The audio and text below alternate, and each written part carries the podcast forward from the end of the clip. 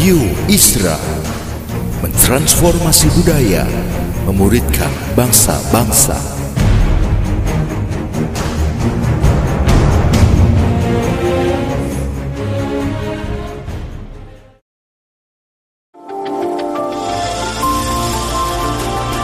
Voice of Pradaim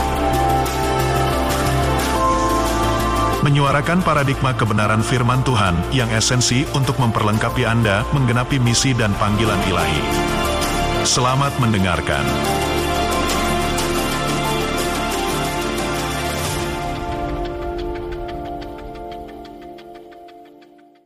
Hallelujah. Haleluya. All right. I want to share with you the word of God this morning. Baik, pagi hari ini saya ingin menyampaikan firman Tuhan. Now, already this morning, you've been greatly impacted by very, very powerful testimonies, very powerful singers. Ya tadi pagi saudara sudah sepagi ini sudah mendapatkan dampak yang luar biasa dari para penyanyi, pemusik dan juga orang-orang yang bersaksi. Uh, Just before I come to the word of God, I want very, very much to encourage you to go to the stands and also to go to our stand. There, I've got a sermon called Sons and Daughters. Very, very powerful for your future. Nah, saudara-saudara saya juga mendorong saudara untuk setelah ini datang ke booth kami di sebelah kanan saya. Dan ada pengajaran mengenai rumah anak-anak laki-laki dan perempuannya Tuhan. And- Satu pengajaran buat saudara yang begitu luar You know, biasa. the beginning of this year, we did the 40 day fast. Uh, awal dari tahun 2015 yang ya, ini kami mengadakan satu Now, puasa. I'm not used to fast like you Indonesian people. You fast in the morning, you break the fast at 6 o'clock. Aduh, I'm not used to that one. Saya gaya puasanya beda sama saudara-saudara di Indonesia. Saudara kalau puasa dari pagi sampai malam lalu nanti malamnya buka puasa. When Saya tidak fast, seperti we itu. fast 24 out of the 24 hours, all the time, straight through 40 days. Kalau kami berpuasa itu kalau 40 hari berarti 40 hari tidak makan sama sekali, tidak ada yang namanya buka And in that puasa. time, I got malaria. Dan ketika saya di tengah-tengah puasa seperti itu saya kena malaria. Ay, malaria in Papua. Aduh, Aduh yang namanya malaria di Papua itu parah saudara. keras saudara ya. Keras saudara. And uh, and uh, there God taught me how to pray with an authority and how to how to break that power of, of, of the devil. And I've got that sermon out there called Victorious Prayer. you go and get to that place. Kemudian Tuhan memberikan saya satu pengajaran mengenai bagaimana kita bisa berdoa dengan penuh kuasa dan otoritas untuk mematahkan semua pekerjaan-pekerjaan iblis seperti itu. Saudara bisa dapatkan khotbah dan pengajaran beliau, Ibu Suset, di stand beliau. Also, we printed for you a Bible bookmark so you can pray. And it's free, it's for everybody. Go and get it there, it's yours. Ya, saudara juga bisa dapatkan selipan Alkitab kami di booth kami. Ini gratis, saudara bisa berdoa bersama-sama dengan kami. Holy Spirit, we come to hear your word. Roh Kudus, kami datang untuk dengar firman-Mu. power of the revelation knowledge of God move upon them today. Biarlah kuasa pewahyuan, pengetahuan akan Tuhan turun atas mereka hari ini. rejoice for these young people, oh God. Aku bersuka cita atas anak-anak muda ini ya Let the Tuhan. word fall a hundredfold fruit in their lives today. Biarlah firman ini berbuah beratus kali lipat di dalam hidup mereka hari ini. In Jesus' Di name. dalam nama Yesus. Amen. Amin. Now already I listened to the testimonies this morning. Tadi pagi saya sudah mendengarkan beberapa kesaksian. Powerful, powerful, powerful. Betapa kesaksiannya luar biasa. And yet I want to bring to you the word the Lord gave me this morning. Dan pagi ini saya mau sampaikan pesan yang Tuhan berikan kepada saudara melalui saya pagi hari Now, ini. I don't, you heard my testimony last night. Ya, saudara-saudara sudah mendengar kesaksian saya tadi malam. So I don't want to bring to you a testimony this morning. I want to talk to you why does some why are some people successful and why not? Pagi hari ini saya mau membagikan kepada saudara kenapa ada beberapa orang yang pada akhirnya sukses, tetapi ada juga beberapa orang yang pada akhirnya gagal. Why is it sometimes you see some young people, wow, they move and they move from dimension to dimension, and others just don't seem to break through into that new flow? Kenapa kita melihat ada beberapa anak muda di satu sisi mereka ngalamin terobosan yang luar biasa lah dari satu hal yang dahsyat ke hal yang dahsyat yang lainnya, tetapi ada orang yang, yang lain yang tidak begitu, yang hanya hidupnya biasa-biasa Is saja. it because one is more anointed than the other one? No. Apakah karena yang satu lebih diurapi dari yang satunya? Tidak juga. Is it that one is more favored by God than the other one? No. Apakah karena yang satu berkenan di hadapan Tuhan dan yang satu tidak? Bukan juga. So, because you are smart people, I want to take you with me to two stories in the Bible. Saya percaya saudara adalah orang-orang yang cerdas. Saya ingin mengajak saudara untuk me- menyelidiki satu cerita di Alkitab. And I want to start by reading the word of God in Matthew chapter 9, 35. Dan saya mau memulai dengan membacakan firman Tuhan dari Matius 9. Matius 9, Matthew chapter 9 Matius pasal 9 and verse 35 we start. ayat 35.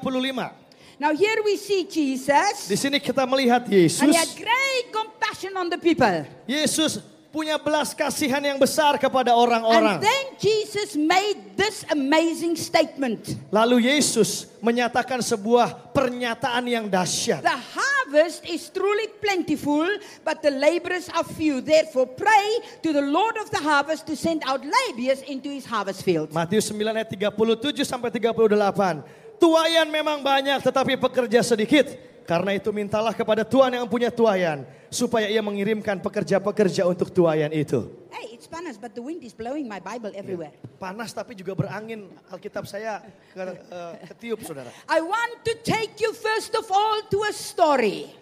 Saya ingin mengajak saudara kepada sebuah cerita.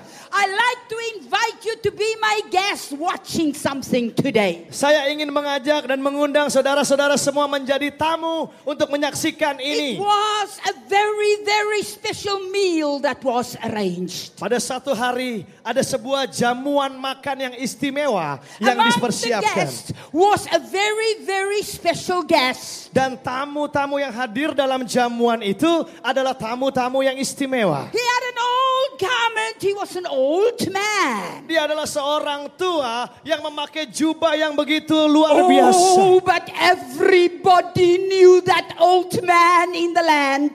Tetapi semua orang di situ tahu siapa orang tua ini. When that old man came, oh, the elders of the place trembled. Ketika orang tua ini datang, maka para tua-tua yang lain itu gemetar. Because that old man came with a message from God. Karena kalau pria tua ini datang, dia selalu membawa satu pesan dari Tuhan. And so the old man looked at those whom his host called. Lalu kemudian orang tua ini melihat satu persatu siapa-siapa saja yang diundang oleh tuan rumah itu. One by one, the sons of the host came in. Satu persatu anak laki-laki dari yang punya rumah ditunjukkan kepada orang tua Oh, ini. some of them must have been very, very handsome. Mungkin beberapa anak laki-laki ini adalah orang-orang yang begitu tampan. Some of them must have looked very powerful. Beberapa di antara mereka mungkin kelihatan begitu And dahsyat. every time the old man thought, this must be the one. This must be the anointed of the Lord. Setiap kali orang tua ini melihat mereka dia berpikir, pasti inilah orang yang diurapi Tuhan. Pasti anak muda ini yang diurapi Tuhan. Who was the old man? Siapakah orang tua ini? The old man was Samuel in the Bible. Orang yang sudah tua ini adalah Nabi Samuel di Alkitab. Samuel was in the house of Jesse. Dan Samuel sekarang sedang berada di dalam rumah Isai. He was sent by God to anoint the next king. Dia sedang diutus oleh Tuhan untuk mengurapi Raja Israel yang akan datang. And so they come one by one, the sons thinking, that must be me. That must be me. Every time Samuel said no, the next one thought, oh, it's not him, it must be me. Jadi setiap kali anak laki-laki Isai datang ke hadapan Samuel, mereka berpikir, oh pasti ini saya yang akan dipilih. Tetapi bukan juga. Lalu anak yang kedua berpikir, kalau bukan dia And berarti every saya. time the father looked at Samuel and Samuel shook his head, no, the next, the next, the next, until there was nobody left anymore. Lalu setiap kali Bapak Isai melihat Samuel, Samuel selalu bilang, tidak, tidak, dan tidak. Sampai semua anak yang ditunjukkan sudah habis. Is there maybe one more? Apakah kamu masih punya anak lagi? Oh yeah, I've got one more, but actually he's only a youth. He's actually at the sheep. Oh iya, aku masih punya satu anak lagi tapi dia masih remaja. Dia lagi ngejagain domba-domba di ladang. And the old prophet said, bring him. Lalu Nabi yang sudah tua ini berkata, bawalah dia ke With sini. amazement, the old prophet must have looked when this young, young youngster came running in with his bright eyes and his red hair and his red face. Mungkin dengan keheranan Nabi Samuel akan melihat anak muda ini waktu masuk. Wajahnya masih memerah, masih kecil saudara. Lord, are you sure? Tuhan, Engkau yakin orang ini? This is the one you've chosen. Orang seperti ini yang kau pilih. He doesn't look so powerful. Dia nggak kelihatan hebat. He doesn't look so glorious. Dia nggak kelihatan mulia. Lord, can this be? Tuhan, apakah mungkin? Oh, but the anointing inside said, Get up and anoint him. Tetapi pengurapan yang ada di dalam diri Samuel berkata, bangkitlah dan urapilah anak ini. Everybody must have been totally amazed. Semua orang yang ada di situ sudah pasti terheran-heran. You see, Sudara, today, Saudara-saudara, hari ini God is not looking how smart we are. Tuhan tidak lihat seberapa pintarnya kita. Although I believe in education, Walaupun saya percaya pendidikan itu baik, God is not looking how old you are. Tuhan tidak melihat berapa usia saudara. Although I believe Tetapi saya percaya, an old man walaupun saya percaya bahwa seorang full of the power of God yang sudah tua pun, kalau dia penuh dengan kuasa Tuhan, is younger dia menjadi seperti anak muda. than a youngster Tetapi kalau anak muda full of criticism. yang penuh dengan kritik, tidak akan punya kuasa. man Dan kalau ada orang tua or a young woman, atau anak-anak muda wanita, even a teenager, walaupun masih remaja, even a child, bahkan kalau dia anak-anak, full of the power of Jesus Christ tetapi kalau dia penuh dengan kuasa Yesus Kristus, is more powerful dia akan jauh lebih dahsyat than many old men and women. daripada orang-orang tua. Amen. Amin. Amen. Amin. So when David came running in, Jadi ketika Daud berlari masuk, they never thought of him. mereka tidak pernah menyangka dialah And orangnya. many a times, Dan sering kali, I said last night and I say again, saya sudah katakan tadi malam, saya ulangi sekali lagi. God is not looking what we are, what we are have and what we don't have. God looks at the heart. Tuhan tidak melihat apa yang kita punya atau apa yang kita tidak punya. Yang Tuhan lihat adalah hati kita. When the old man got up and he took his mantle Ketika orang tua ini bangkit dan mengambil jubahnya. and he poured out the oil over David, Dan dia menuangkan minyak atas Daud. David that moment was signed to be the king of Israel. Pada saat itulah Daud ditunjuk menjadi Raja Israel. How many of you are listening to me? Yang masih mendengarkan saya boleh angkat tangan, lambaikan tangan saudara. Although David was anointed to be king, Tetapi walaupun pada saat itu Daud sudah diurapi untuk menjadi raja. God first had to make a king out of David. Tuhan masih tetap harus membentuk sifat raja dari dalam diri Daud. You are anointed. Saudara sudah You diurapi. are called. Saudara sudah dipanggil. You are sent. Saudara sudah You are diutus. blessed. Saudara sudah diberkati. That God will put you in the school of life. Tetapi Tuhan akan taruh saudara di dalam sekolah kehidupan. Every one of us that God is using, God put us in the school of life. Setiap kita yang dipanggil dan diutus oleh Tuhan akan dia taruh di dalam sekolah kehidupan. Young people, listen to me today. Anak-anak muda dengarkan saya hari ini. Preparation time is never wasted. Masa persiapan tidak pernah sia-sia. Say after me. Ulangi kata-kata saya dalam bahasa Indonesia. Preparation time. Masa persiapan, Follow them. Preparation time. Say them. masa persiapan, masa persiapan. Aduh. Aduh, Keras ya. ya keras saudara. Satu, dua, tiga. Masa persiapan It's never wasted. tidak pernah sia-sia. Tidak pernah sia-sia. Aduh. I hear the front. Saya cuma dengar yang di depan. I don't hear you at the back. Saya tidak dengar yang di belakang. Hey, saudara. I don't hear you. Saya tidak dengar yang di sebelah kanan Satu, saya. dua, tiga. Masa persiapan tidak pernah sia-sia.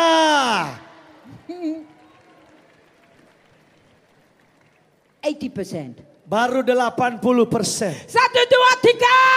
Masa persiapan tidak pernah sia-sia. Yes. So, although God has spoken to you, Jadi walaupun Tuhan mungkin sudah berbicara kepada saudara. if God put you into His school of life in teaching you, in training you, don't fight it, yield to it, move with it. That will make you a great man and woman of God. Dan kemudian Tuhan taruh saudara dalam sekolah kehidupan. Jangan dilawan saudara. Berserah, jalani itu semua. Maju terus. Many of you today here, you are you will be evangelists, you will be pastors, you will be teachers, you will be prophets, you will raise the dead, you will heal the sick.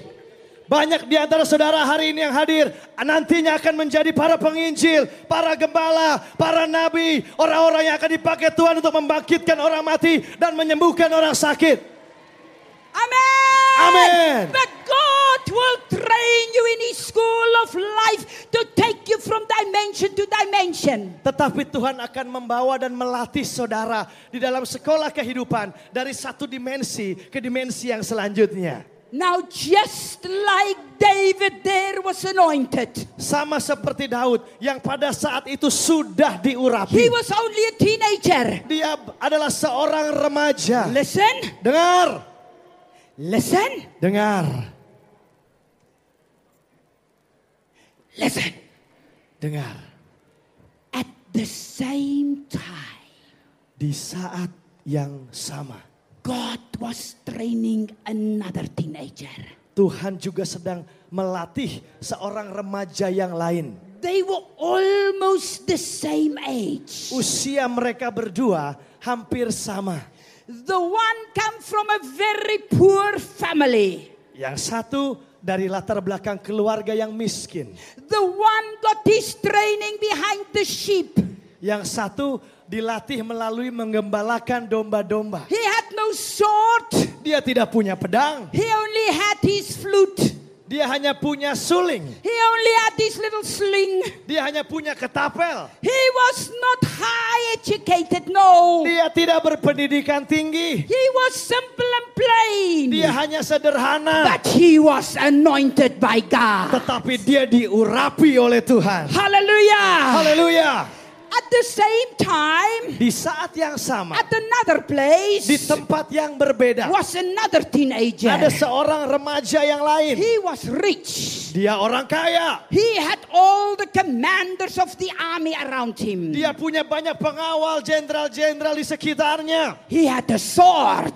Dia punya He pedang. had the trainers with him. Dia punya orang-orang yang melatih dia. He was the prince. Dia adalah sang putra mahkota. He was King Saul's son Jonathan. Dia adalah anak dari Raja Saul yang bernama Yonatan. Both of them were put in the school of life by God. Tuhan menaruh kedua remaja ini di dalam sekolah kehidupan. Now let me just quickly, quickly give you the biblical foundation. Dengan cepat saya mau memberikan dasar Alkitab kepada saudara. We see that both of them Dua-duanya were trained by God. dilatih oleh Tuhan. Both of them start doing great, marvelous things for God, almost the same.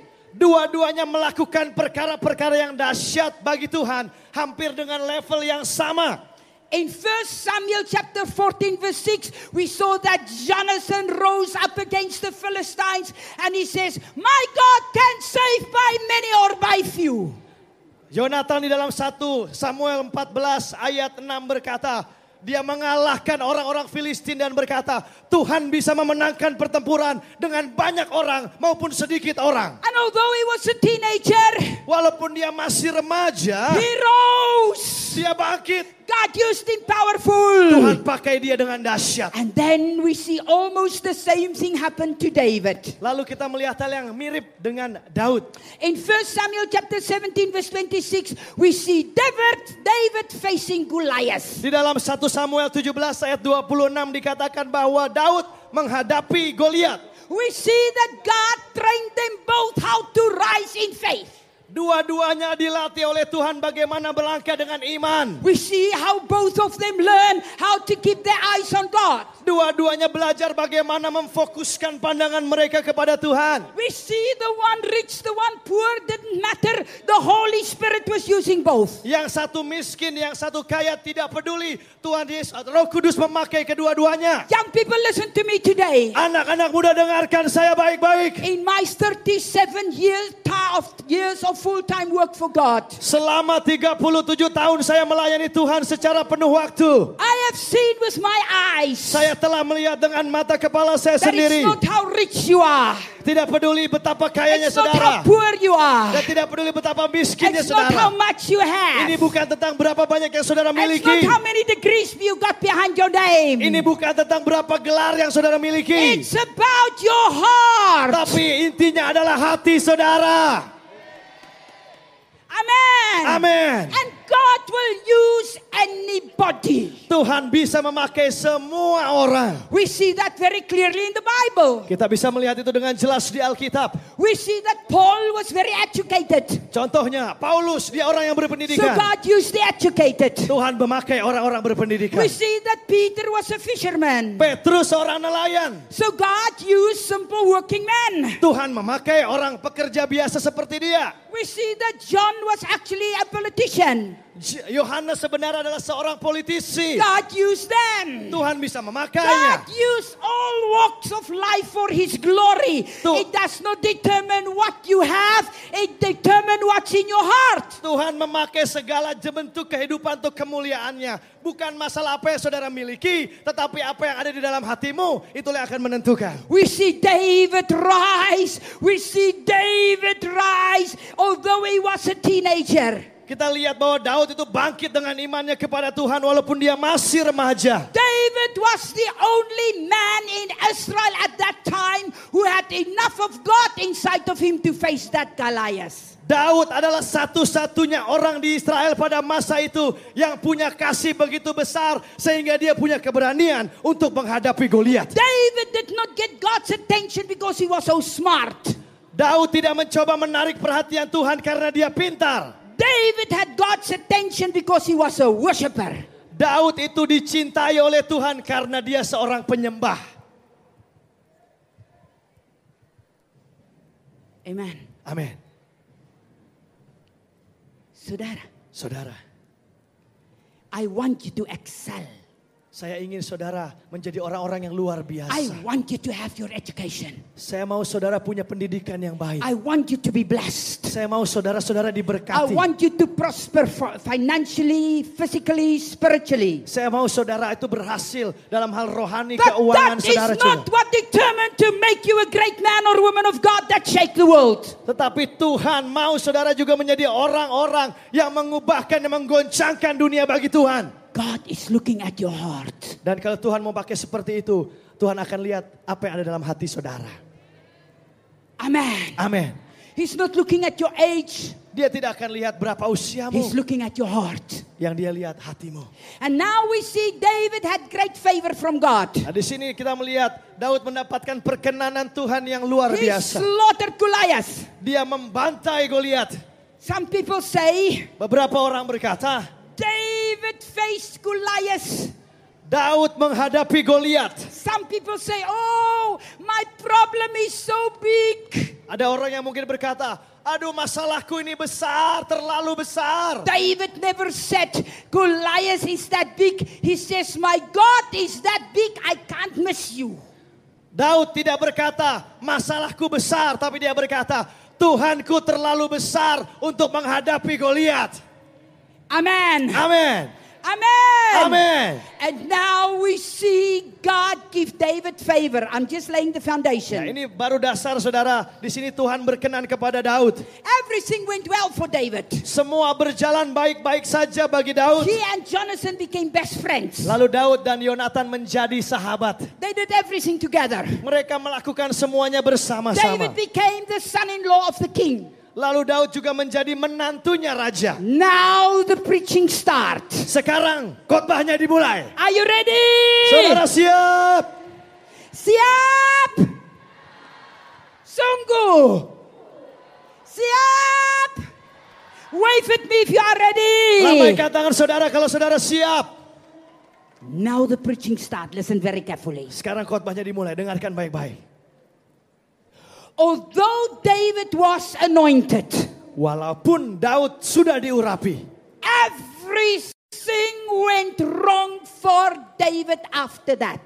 tetapi setelah dia diurapi, banyak hal yang akhirnya menjadi sesuatu masalah yang besar bagi Daud. Before the people danced before him. Sebelumnya orang-orang menari di hadapan Daud, And now David had to run for his life. tapi sekarang Daud harus lari untuk menyelamatkan nyawanya. David was persecuted.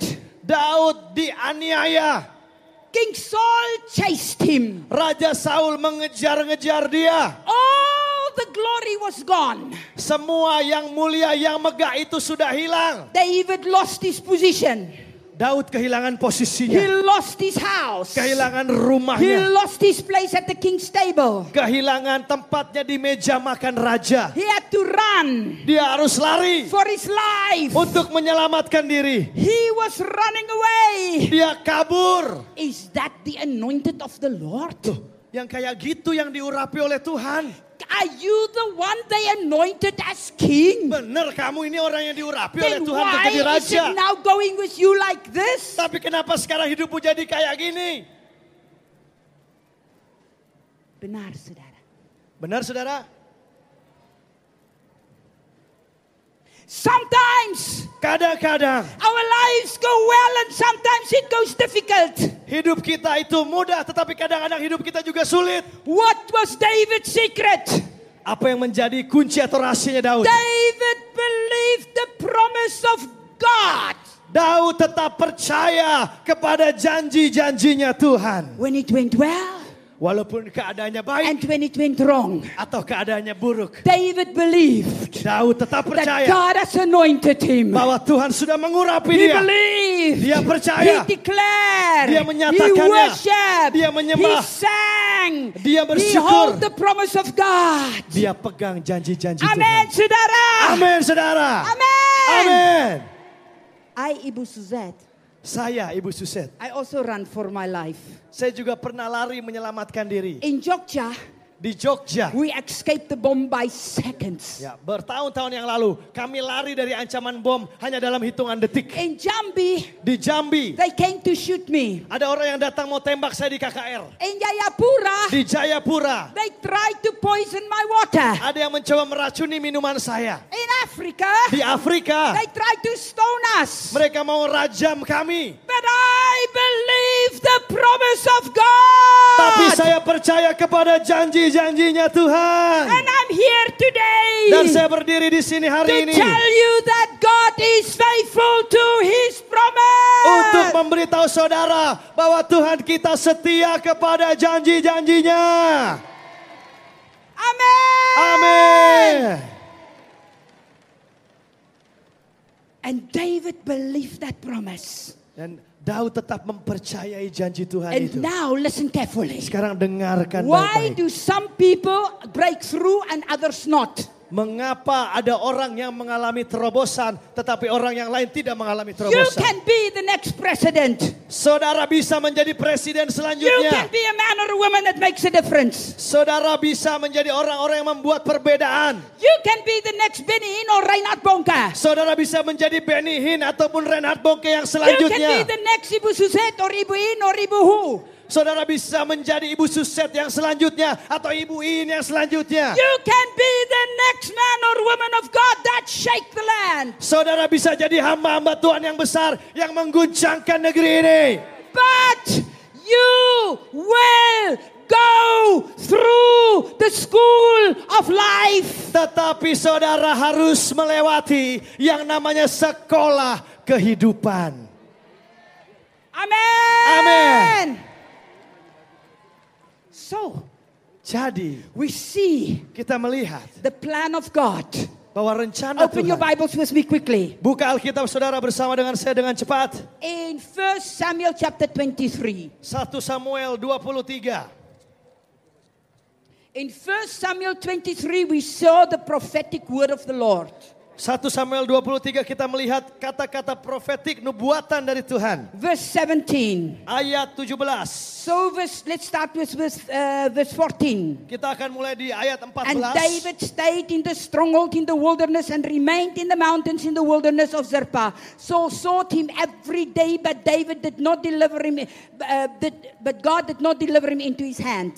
Maka Daud tinggal di padang gurun di tempat-tempat perlindungan. Ia tinggal di pegunungan di padang gurun Zif. Dan selama waktu itu Saul mencari dia, tetapi Allah tidak mencerah- menyerahkan dia ke dalam tangannya. So David saw that Saul had come out to seek his life, and David was in the wilderness in Zippa in the forest. Daud takut karena Saul telah keluar dengan maksud mencabut nyawanya. Ketika Daud ada di padang gurun Zif di Koresa, Now listen. dengar saudara. Then Jonathan, Saul's son, arose and went to David in the woods to strengthen his hands in God. In other words, to encourage him. Dengar ini baik-baik. Maka bersiaplah Yonatan anak Saul lalu pergi kepada Daud di Koresa. Ia menguatkan kepercayaan Daud kepada Allah. Hear the prophetic plan of God. Dengarkanlah rencana profetiknya Tuhan. And he said to him, Dikatakan begini. Do not fear, Ayat 17, janganlah takut. for the hand of Saul my father shall not find you. Sebab tangan ayahku Saul tidak akan menangkap engkau. You shall be king over Israel, and I shall be next to you. Daud engkau akan menjadi raja atas Israel. Dan aku Yonatan akan menjadi orang kedua di bawahmu. Even my father Saul knows that. Juga ayahku Saul telah mengetahui yang demikian. This was the plan of God, why God trained them from the beginning. Ini yang tadinya menjadi rencana Tuhan. Mengapa mereka berdua dilatih oleh Tuhan dari awal. David was to be king, he was to be the president, and they, and Jonathan was to be the vice president. Rencana Tuhan adalah Daud menjadi raja atau presidennya dan Yonatan menjadi wakil presidennya. That was the plan of God. Itu yang sebenarnya menjadi rencana Tuhan. David was to be like your president of the land, and Jonathan the vice president. And Saul knew it, and the people knew it, and everybody knew it because that was the plan of God. Daud akan menjadi seperti kita punya presiden dan dan Yonatan akan menjadi wakil presidennya. Alkitab berkata, Saul mengetahui hal itu, rakyat mengetahui hal itu. How many of you are listening to me? Yang masih mendengarkan saya boleh angkat tangan saudara lambaikan. That was the plan of God. Itu yang sebenarnya jadi rencana Tuhan. But it never happened. Tetapi penggenapannya atau kenyataannya tidak demikian. Aduh ibu. Aduh ibu, Why? kenapa? God said it. Tuhan kan yang This is the berkata. plan of God. Ini kan rencana Did Tuhan. God make a mistake? Apakah Tuhan yang berbuat kesalahan? No. Tidak. Why did it not happen? Kenapa ini tidak terjadi? This if God wanted it, why is not happening, Ibu? Ini kan rencana Tuhan, kenapa tidak terjadi bu? Now listen to me. Dengarkan saya. In Jesus' name. Di dalam nama Listen Yesus, to me today. biarlah mereka mendengar hari ini. This prophetic word Kata-kata nubuatan ini will also be true for many here today. juga akan berlaku kepada banyak orang di sini. The choice is yours. Pilihan ada di tangan saudara. God has spoken. Tuhan sudah He berbicara. called you. Dia sudah berkata He kepada saudara. you. Dia utus He saudara. you. Dia urapi He saudara. gave you a promise. Dia berikan janji kepada saudara. But will that promise happen? Tetapi apakah janji itu pasti digenapi? The choice is yours. Pilihannya ada di tangan saudara. Why, Ibu Suzette? Kenapa Ibu Suset? This is the secret. Ini rahasianya. Why did this never happen, Ibu Suzette? Mengapa nubuatan tadi tidak persis digenapi Ibu Suset? The Bible answer us. Alkitab menjawab kita.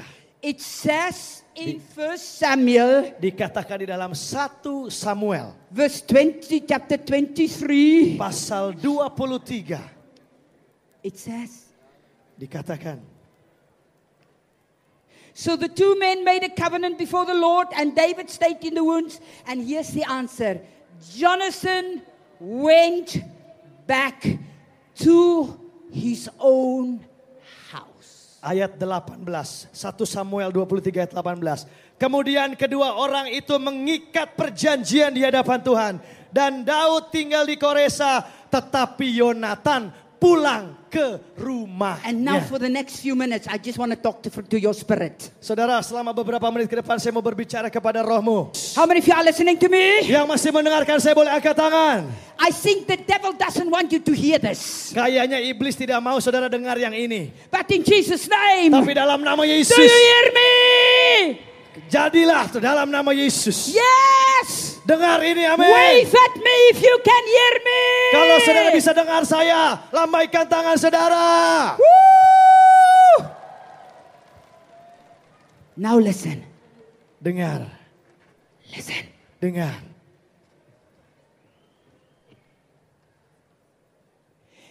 Jonathan, Jonathan, why did you not stay with your friend? Kenapa engkau tidak tetap tinggal dengan sahabatmu?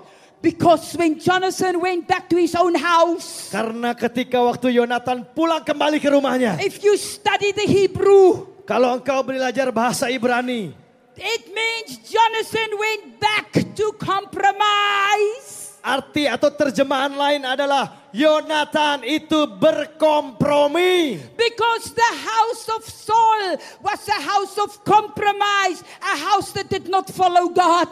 Karena rumah Yonatan yaitu rumahnya Saul adalah rumah yang penuh dengan orang-orang kompromi, orang yang tidak mengikuti Tuhan. The house of David stood for the blessing and the anointing of God. Tetapi rumahnya Daud itu adalah simbol dari kehadiran Tuhan dan kuasa Tuhan. Jonathan, Yonatan, why?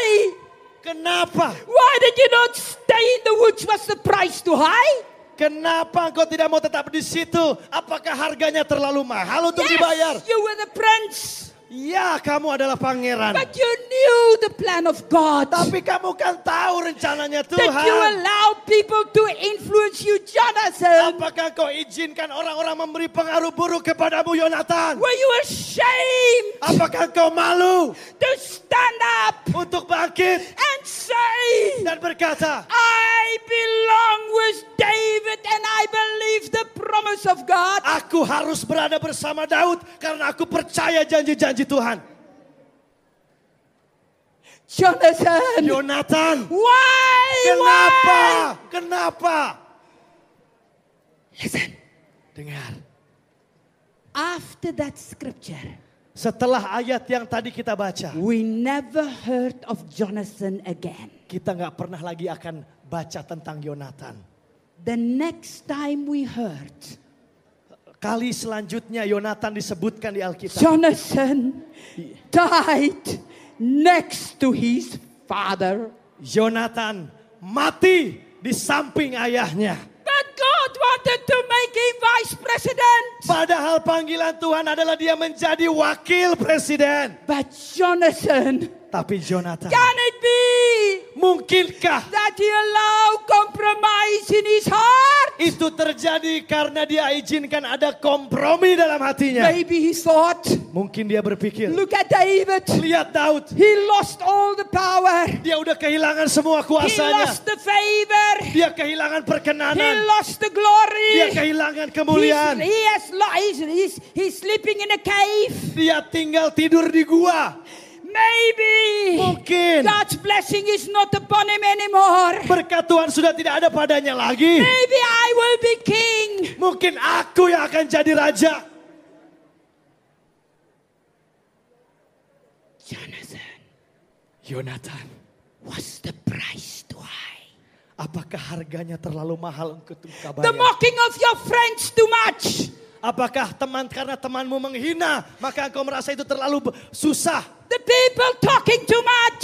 Karena mungkin orang banyak berbicara The kepadamu. shame too much. Apakah mungkin engkau merasa malu? Jonathan, Yonatan, why did you compromise? kenapa engkau berkompromi? But David, Tetapi Daud, He kept his eyes on the promise of God. Dia mengarahkan matanya kepada janji-janji Tuhan. He believed in God. Dia percaya kepada He Tuhan. carried on. Dia melanjutkan terus. Oh, I'm coming to a close and I want you to listen. Saya sebentar lagi akan tutup. Saya mau saudara dengar yang In ini. 1 Samuel chapter 16, David was anointed to be king. 1 Samuel 16, Daud diurapi. In 1 Samuel chapter 17, he faced Goliath. 1 Samuel 17 dia menghadapi Goliat. In 1 Samuel 18, he flowed in the anointing. 1 Samuel 18 Daud mengalir dalam pengurapan. In 1 Samuel 21, he started being persecuted. 1 Samuel 21 Daud mulai dianiaya. In 1 Samuel 21, we read he was even hungry. 1 Samuel 21 bahkan dikatakan Daud kelaparan. In 1 Samuel 24 and 25, we see that David was tested again and again and again and again and again and again in the, Satu in the school of life. 1 Samuel 24 sampai 26 Daud diuji dan diuji dan diuji oleh Tuhan dalam sekolah kehidupan. And so, oh, we see that in 1 Samuel chapter 30, his Ziklag was burned down. He lost his wife, he lost his children, he lost everybody wanted to stone him. Bahkan di 1 Samuel 30 di Ziklag dia kehilangan semua. Dia kehilangan istrinya, harta bendanya. Bahkan semua orang mau lempari dia dengan batu. Are you the anointed of the king? Apakah engkau raja yang sudah diurapi? Yes! Iya. And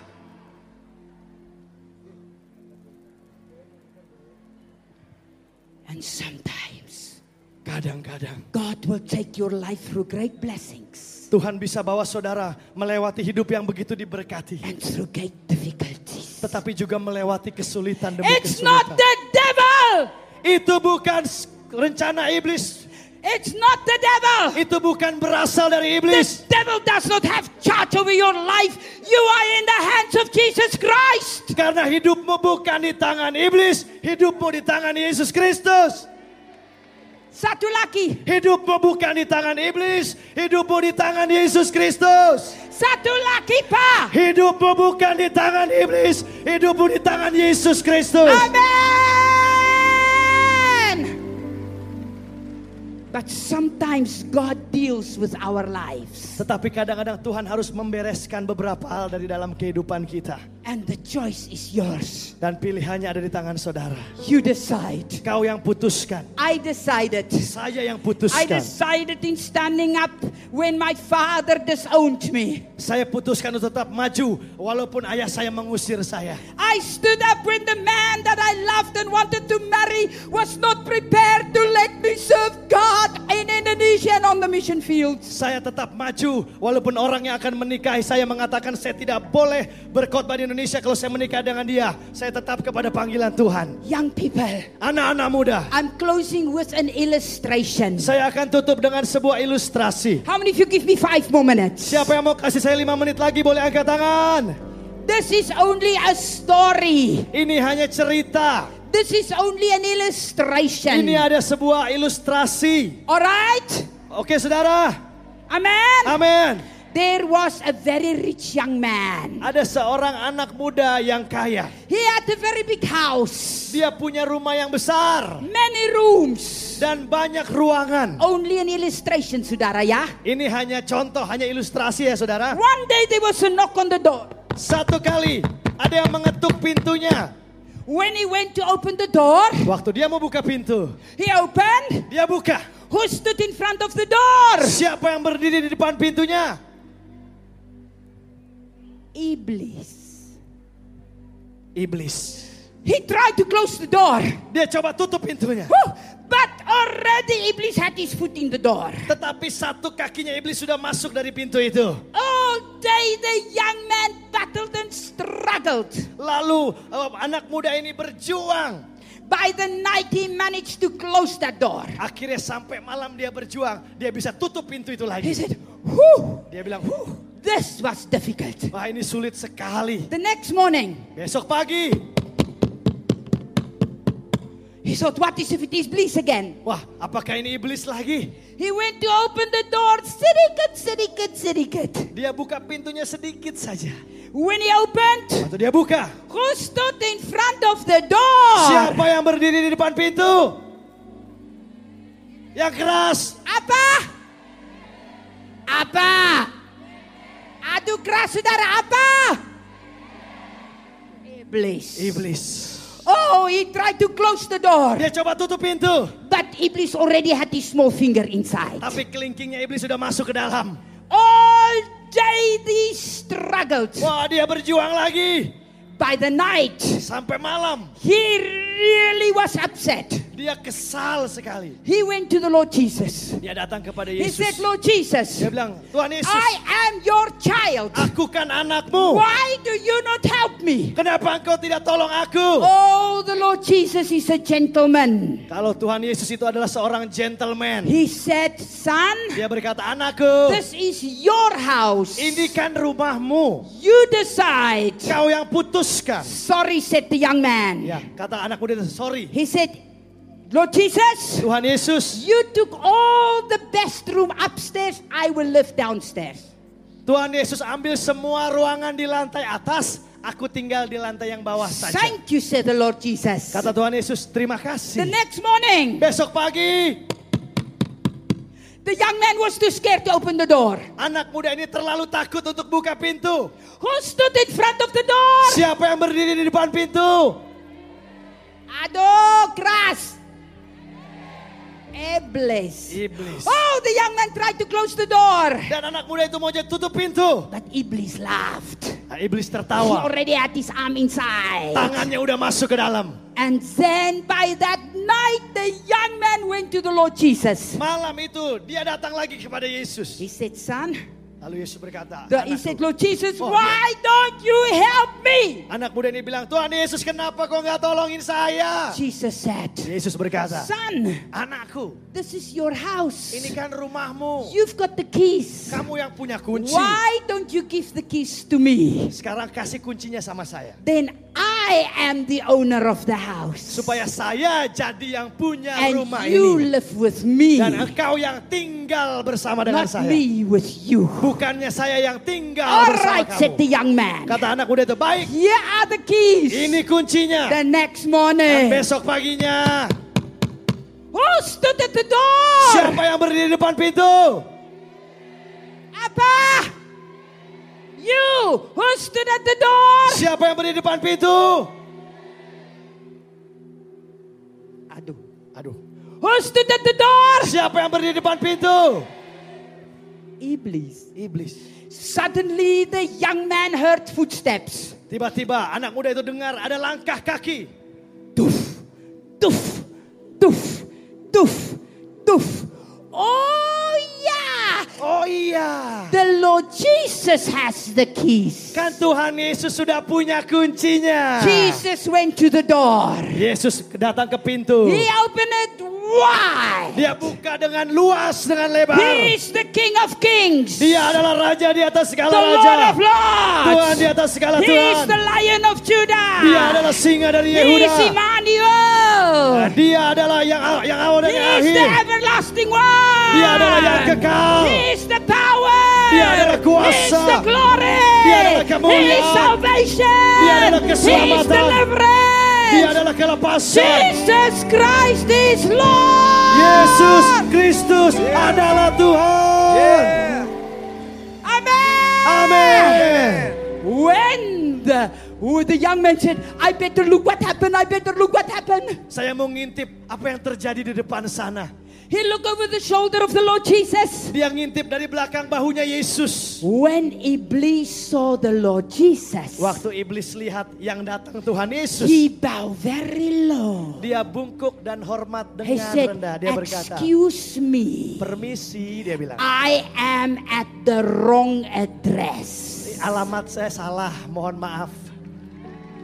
Hallelujah! Haleluya. You understand? Saudara mengerti? Give the Lord Jesus every room of your heart. Berikan kepada Yesus semua ruangan di dalam hati saudara. Give him your secrets. Berikan kepada dia Give rahasia-rahasiamu. him already. We heard this morning people repenting from pornography, people repenting from sexual sins, people repenting from drugs. But today, one more time, I challenge you let Jesus into every corner of your life. Tadi pagi saudara sudah bertobat dari pornografi, seks dan narkoba. Tapi sekarang saya mau tantang saudara, mari kita berikan seluruh ruangan kehidupan kita kepada Yesus. Hallelujah! Haleluya. David! Daud, You became king engkau menjadi raja because you believe. karena engkau percaya. Let's stand. Mari kita bangkit berdiri. Kurabasa